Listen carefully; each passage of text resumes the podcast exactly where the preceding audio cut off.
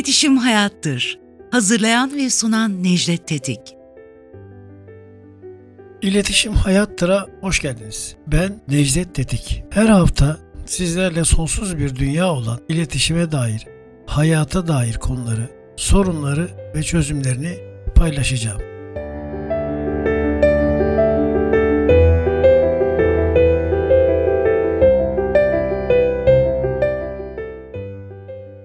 İletişim Hayattır'a hoş geldiniz.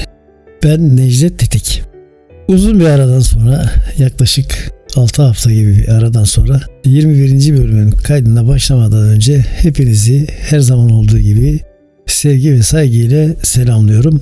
Sizlere bir özür borcum var.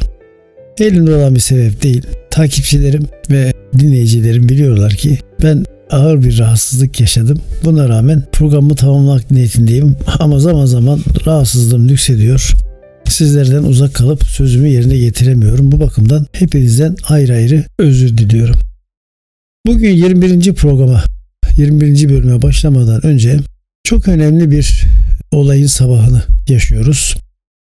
Bildiğimiz gibi ülkemizin etrafı tamamen sarılı ama güney sınırımızda Türkiye'nin bütünlüğüne varlığına kastetmiş ve bir garnizon devlet kurulması konusunda adeta işbirliği yapan emperyalist güçler PKK, PYD, YPG, FETÖ, efendim DH ve benzeri isimlerle alfabede neredeyse harf bırakmadılar. Bunlara en son SDG eklendi. Bu örgütler aracılığıyla sürekli taciz atışları yapılıyor. Vatandaşlarımız yaralanıyor. Ülkemiz kaosa sürüklenmek isteniyor ve geçtiğimiz haftada bildiğiniz üzere biri bebek olmak üzere 6 insanımız şehit edildi. İstanbul'un göbeğinde dünyanın en merkezi yerlerinden Taksim e, meydanında İstiklal Caddesi'nde bir terör saldırısı yapıldı. Bu terör saldırısı Amerika Birleşik Devletleri'nin besleyip büyüttüğü PYD eliyle Kobani'de yetiştirilmiş bilinen bir işit mensubu olan Arap kökenli teröristin ve ona yardım eden diğer teröristlerin gerçekleştirdiği bir saldırıydı. Bu ilk kez oluyor. Yani PYD, PKK ve DH işbirliği ilk kez ifşa oluyor. Bu bakımdan çok önemli, çok üzücü, bizi çok yaralayan bir hadiseydi. O günün akşamı olay sonrası bakanlar, ilgili bakanlar, başta İçişleri Bakanı olmak üzere bize verilmek istenilen mesajın alındığını ve karşılığının verileceğini açık ve net bir şekilde ifade etmişlerdi. Dün gece Suriye'nin ve Irak'ın kuzey bölgelerinde yaklaşık 19 ayrı bölgede resmi açıklamalara göre 89 terör mevzii, mühimmat depoları, karargahları ve benzeri terör yuvaları Hava Kuvvetlerimiz tarafından, kahraman ordumuz tarafından vuruldu. Sabaha kadar bu iş devam etti. Bir, birkaç saat aralıklarla. Bu bir başlangıçtır. Daha doğrusu devam eden sürecin bir parçasıdır. İstiklal Caddesi'ndeki olayın cevabı değil ama cevabının ilk harfidir diye kabul ediyorum. Çünkü çok uzun hazırlık isteyen bir harekattı ve dünyada çok az ülkenin yapabileceği ordunun yapabileceği bir harekattı. Allah'a çok şükür kahraman hava kuvvetlerimiz, kahraman Türk Silahlı Kuvvetleri bu işi başardı. Çok şükür alnımız ak, başımız dik. Emperyalistlere vermemiz gereken cevabın bir kısmını ilk harfini vermiş bulunuyoruz. Bu bakımdan ordumuzu kutluyorum. Allah ayaklarına taş değdirmesin derler ya. Aynen bu dilekleri katılıyorum. Burada özellikle iletişim açısından muhalefet liderlerine seslenmek istiyorum. Bu bir siyaset programı değildir. Bunu çok sık söylüyorum. Bu bahsettiğim konu da siyasi bir konu değildir. Ülkemiz saldırı altındadır. Askerimizin bu hareketini değişik koalisyonlar, kombinasyonlar, oy devşirmeleri hesaplarıyla muhalefet liderlerimiz lütfen bu konuyu iç politika malzemesi yapıp bizi bu hale düşürmek isteyen ve bu işleri taşeron terör örgütlerine, kanlı terör örgütlerine yaptıran emperyalistlere imkan vermesinler, ellerine malzeme vermesinler. Bu mesele bir milli meseledir. Siyasi muhalefet meselesi değil, milli birlik meselesidir. Benim ricam bir Türk vatandaşı olarak ve bir Türk olarak budur. Dediğim gibi harekatı gönülden destekliyorum. Allah ordumuzun, kahraman ordumuzun, askerlerimizin, korucularımızın ve bu terör mücadelesine katılan bütün insanlarımızın yardımcıları olsun. Bir de İstanbul'da gayrimüslim cemaatlerin dini liderleri, bu kardeşlerimizin temsilcileri toplu halde geçtiğimiz günlerde olayın geçtiği yere karanfil bırakarak, dualar ederek, birlik ve beraberlik mesajları vererek, terörü kınayarak inanılmaz güzel bir görüntü vermişlerdir. Bu kardeşlerimize ve dini e, liderlerine, cemaat liderlerine ayrı ayrı teşekkür ediyorum. Aynı törene katılan 35 konsolosa da ayrıca e, bir Türk vatandaşı olarak e, gösterdikleri hassasiyet nedeniyle teşekkür ediyorum. Şimdi biz işimize dönersek 20. bölümün sonlarında dönüş meselesini biraz daha açacağımızı anlatmıştık. Hatta bölümleri ayırıp kişiler arası kişiden kuruma, kurumlardan kurumlara dönüşün ya nasıl olması gerektiği, ne neden e, yapılamadığı ya da nasıl iyi yapılması gerektiği konusunda bilgi vereceğimi söylemiştim. Bıraktığımız yerden devam edelim. Bildiğiniz üzere dönüş geçen bölümün sonunda anlattığım gibi keyfiyete dayalı bir eylemdir dedik. Ne demek keyfiyete dayalı bir eylem? Bu konuda Twitter adresime ve telefonumu bilen kardeşlerim aracılığıyla bana çok soru yöneltildi. İletişimde dönüş neden keyfiyete bağlı bir eylemdir diye. Onu şöyle açıklamak lazım. Keyfiyet demek bir konuda birden fazla seçeneği olan kişinin bir veya birkaçını tercih etmesi demektir. İletişimde dönüşte de aranılan kişi canı isterse döner, istemezse dönmez. İsterse döner ama dönüş yapmış olmak için döner, istemezse olumlu döner. Bu yüzden bu onun keyfiyetine, onun tercihine kalmış bir olaydır. Bildiğiniz gibi 81 milyon ila 84 milyon arası değişen ama devletin 84 milyon olarak açıkladığı nüfusumuzun geçtiğimiz hafta 56 milyon kişisi tarafından cep telefonu ve dijital aletlerin kullanıldığı ilan edildi. Yani bu ne demek? Şimdi iletişimde dönüşü anlatıyoruz ya. Aslında kişiler arası iletişimi bahsediyoruz. Buradaki dönüş yarı yarıya telefonla yapılan aramalara cevap verme şeklindeki dönüş olarak algılanıyor. Aslında böyledir. Yani yüz yüze yapılan görüşmeler, yazışmalar, mesajlaşmalar, işaretleşmeler, mektuplaşmalar bunun dışında kastetmeye çalıştığımız dönüş daha ziyade telefonla girişimde bulunan kişilerin karşı taraftan alıp alamadıkları dönüştür. Bunu da burada tespit edelim ve konumuza devam edelim.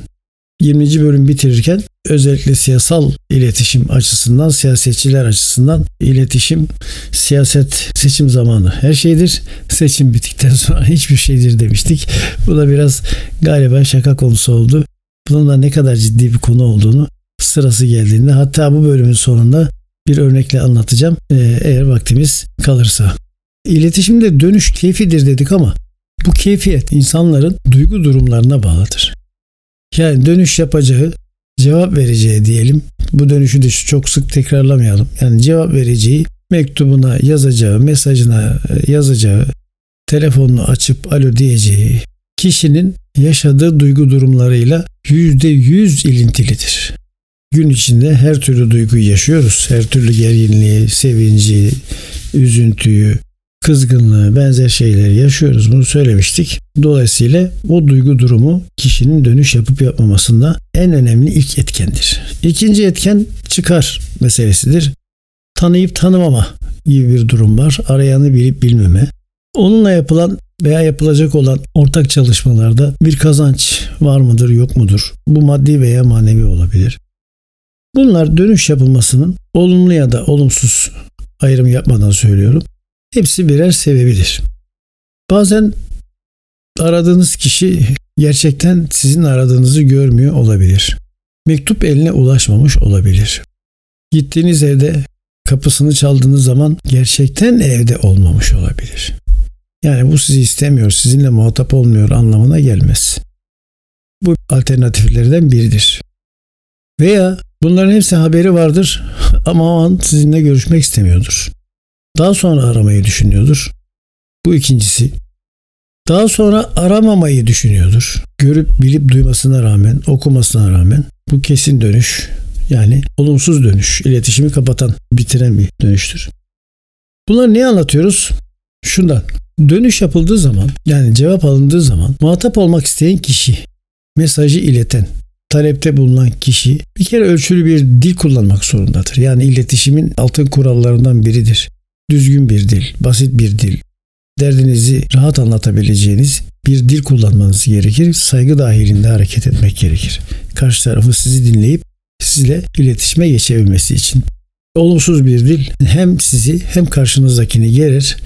Olabilecek olan iletişimi de olmaz hale getirir. Tabii bu anlattıklarımız hep bizim bize yapılacak işler değil. Bizim de başkalarına yani bizim de bizimle iletişim kurmak üzere bize e, başvuran, bizi arayan, bize gelen, bize yazan insanlara takılmamız gereken tavırla da ilgilidir. Bunu da burada bildireyim. Dönüş muhatapların hangi durumuna bağlıdır onu anlattık. Yani kişinin hangi durumlarda e, dönüp dönmek istemediğini anlattık. Ama şimdi gelelim konunun asıl dönüş yapıp yapmama gerçeğine. Bunun temelinde yatan ilk olgu statüdür. Görüşmek isteyen kişi talepte bulunduğu kişiyle aynı statüde değilse ve aralarında özel bir samimiyet, bir işbirliği, bir çıkar ilişkisi yoksa onların görüşmeleri çok mümkün değildir. Oradan olumlu dönüş almak da pek mümkün değildir. Peki nedir bu statü? Sosyal statü var, siyasal var, ekonomik var. Hadi bakalım başlayalım. Siyasal statüden başlayalım. Yani bir makam sahibi, efendim bir milletvekili, bir bakan. Daha üstlere gitmeye gerek yok. Bir parti başkanı, partinin ilçe başkanı, daha da basite indirelim. Partilerin eskiden var olan hala devam ediyor mu onu da pek bilmiyorum. Delegasyonları bile kendilerine bir paye biçiyor. Bulundukları makamı bir özellik veriyor ve canlarının istediği kişiye dönüp iletişim kuruyorlar. İstediklerine de dönmüyorlar. Nereye kadar? Seçime kadar. Seçim zamanı merak etmeyin. Bunların hepsi sizi gelir bulur. Siz istemeden bu defa dönüş yap yapma hakkı size geçer. Diğerleri sırayla şöhretli insanlardır. Şöhretli insanlara ulaşmak birincisi zordur. İkincisi ulaşsanız bile dönüş almanız adeta mümkün değildir. Siz Twitter'da, sosyal medyada, Facebook'ta veya benzeri mecralardaki takipçi adetlerine ve takip edilen e, rakamlara inanmayın. Yani bugün çok meşhur bir şarkıcı, isim vermemek prensibim olduğu için söylemiyorum. 1 milyon bilmem kaçıncı takipçi olarak aradığınızda, tweet attığınızda, mesaj attığınızda veya sosyal medyadan yazdığınızda eğer hakaret içermiyorsanız, eğer sınırları aşmıyorsanız dönüş almanız mümkün mü? Değil. Hakaret ettiğiniz zaman da zaten dönüşü ondan değil o kişinin avukatlarından alırsınız. Hukuki yollara giderler gene istediğiniz görüşme olmaz. Yani şöhretli insanlar, makam sahibi insanlar şimdi geriye ne kaldı? Ekonomik statü kaldı. Güzel atasözlerimiz var. Her bölümde bir veya birkaç tanesini söylüyorum. Davul dengi dengine çalar. Çok meşhur bir sözdür. Güzel de bir sözdür. Yani herkes kendi dengindeki insanlarla arkadaşlık yapabilir, yol yürüyebilir. Görüşmek başka bir şey. Ama birlikte yol yürümek, bir düzenli iletişimde bulunmak. Yani düşünün şimdi şirket sahibi insanlar dünya kadar işleri var, çevreleri başka, hobileri, zevkleri, alışkanlıkları başka. Orta halli esnafın veya sıradan insanların durumları başka, gelirleri başka. Bunların ortak noktaları yok bir kere. Ortak noktaları belki tuttukları futbol takımıdır. Onda maçta yan yana ya gelirler ya gelmezler. Onlar şeref tribünde oturur. Siz normal tribünde oturursunuz ya televizyonun başında seyredersiniz. Asla bir araya gelemezsiniz. Araya köprü olarak girecek aracılar olursa belki görüşmeniz, iletişim kurmanız, e, başvurularınıza dönüş almanız mümkündür. O kadar ki kurumsal firmalarda insan kaynakları müdürleri dahi birer ekonomik statüye sahip yani yönetim statüsünde yükselmiş kişiler olarak sizle görüşmeyi görev gereği yaparlar. İşin insani boyutu Türkiye'de pek dikkate alınmaz. Peki nerede alınır? Alınıyor mu? Evet. Avrupa'da Alman üniversitelerinin yaptığı 2020 yılı anketlerine göre, araştırmalarına göre orada üniversitelerin böyle kendi görevlerini yapan çok yetişmiş akademisyenleri var. Bu araştırmalarda iletişimde dönüş oranları üzerine bir çalışma yapılmış. 2000 yılı itibariyle Avrupa Birliği üyesi ülkelerdeki iletişime dönüş oranı %90 civarında. Yani 100 kişi birbiriyle görüşmeye kalksa 90'a netice alır. Dönüş alır.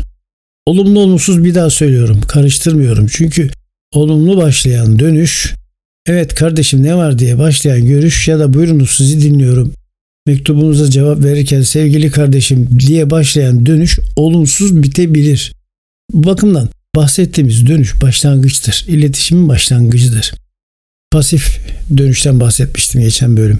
Rahmetli Başbakanımız Ecevit'e ait bir hatırayı anlatırken. O hariç diğer dönüşler bu şekilde yapılır. Dolayısıyla bu oran Türkiye'de böyle bir araştırma benim elimde yok. Şimdiye kadar duymadım. Duyan kardeşlerim, arkadaşlarım, akademisyen hocalarımız varsa ve katkıda bulunurlarsa çok memnun olurum. Kendilerine buradan e, o bilgiyi aktarırım. Şimdi bu bölüm dönüşün örneklenmesine pek yetmeyecek. Onun için birkaç notla tamamlamaya çalışayım. Bir kere iletişimde kullanacağımız dilin hakimi olmak zorundayız. Yani biz Türküz, Türkçe konuşuyoruz. Türkiye Cumhuriyeti vatandaşlarıyız. Demek ki rahmetli Profesör e, Sinan Hoca'nın ruhu şad olsun. Dilini kaybeden her şeyini kaybeder sözü itibariyle dilimizi ve dilimizin kurallarını çok iyi bilmeliyiz. Türkçeyi çok iyi konuşup çok iyi anlamalıyız. İletişimin birinci kuralı bu. Kendimizi iyi ifade edebilmek için ve karşımızdakinin anlattığında iyi anlayabilmek için dil bilgisini, dili son derece iyi konuşmamız gerekir. Çok sevdiğim bir kardeşim eşiyle birlikte biz bu konuyu konuşuyorken siz abi seninle konuşmaya başladık. Türkçemizi bozdun. Şikayetler gelmeye başladı diye şaka yaptılar.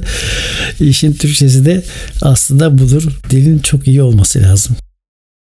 İletişim bir muhabbet işi değildir. İlerletilmesi, samimiyet kurulması haline bir muhabbetin başlatılması demektir. Yani bir sohbetin, bir dostluğun, bir arkadaşlığın, işbirliğinin ortaklığın başlama, başlangıcı demektir. İletişim öyle başlar. Dönüşte bunun işaretidir. Keza eğitimi az olan insanlarımız var. Eğitimden neyi kastediyoruz? Bu akademik yani okulla ilgili eğitim. Halbuki eğitim yalnız okulla sınırlı değildir. Eğitim hayatın ta kendisidir, ailenin içidir, çevredir, iş çevresidir, kişinin kendi geliştirmesidir.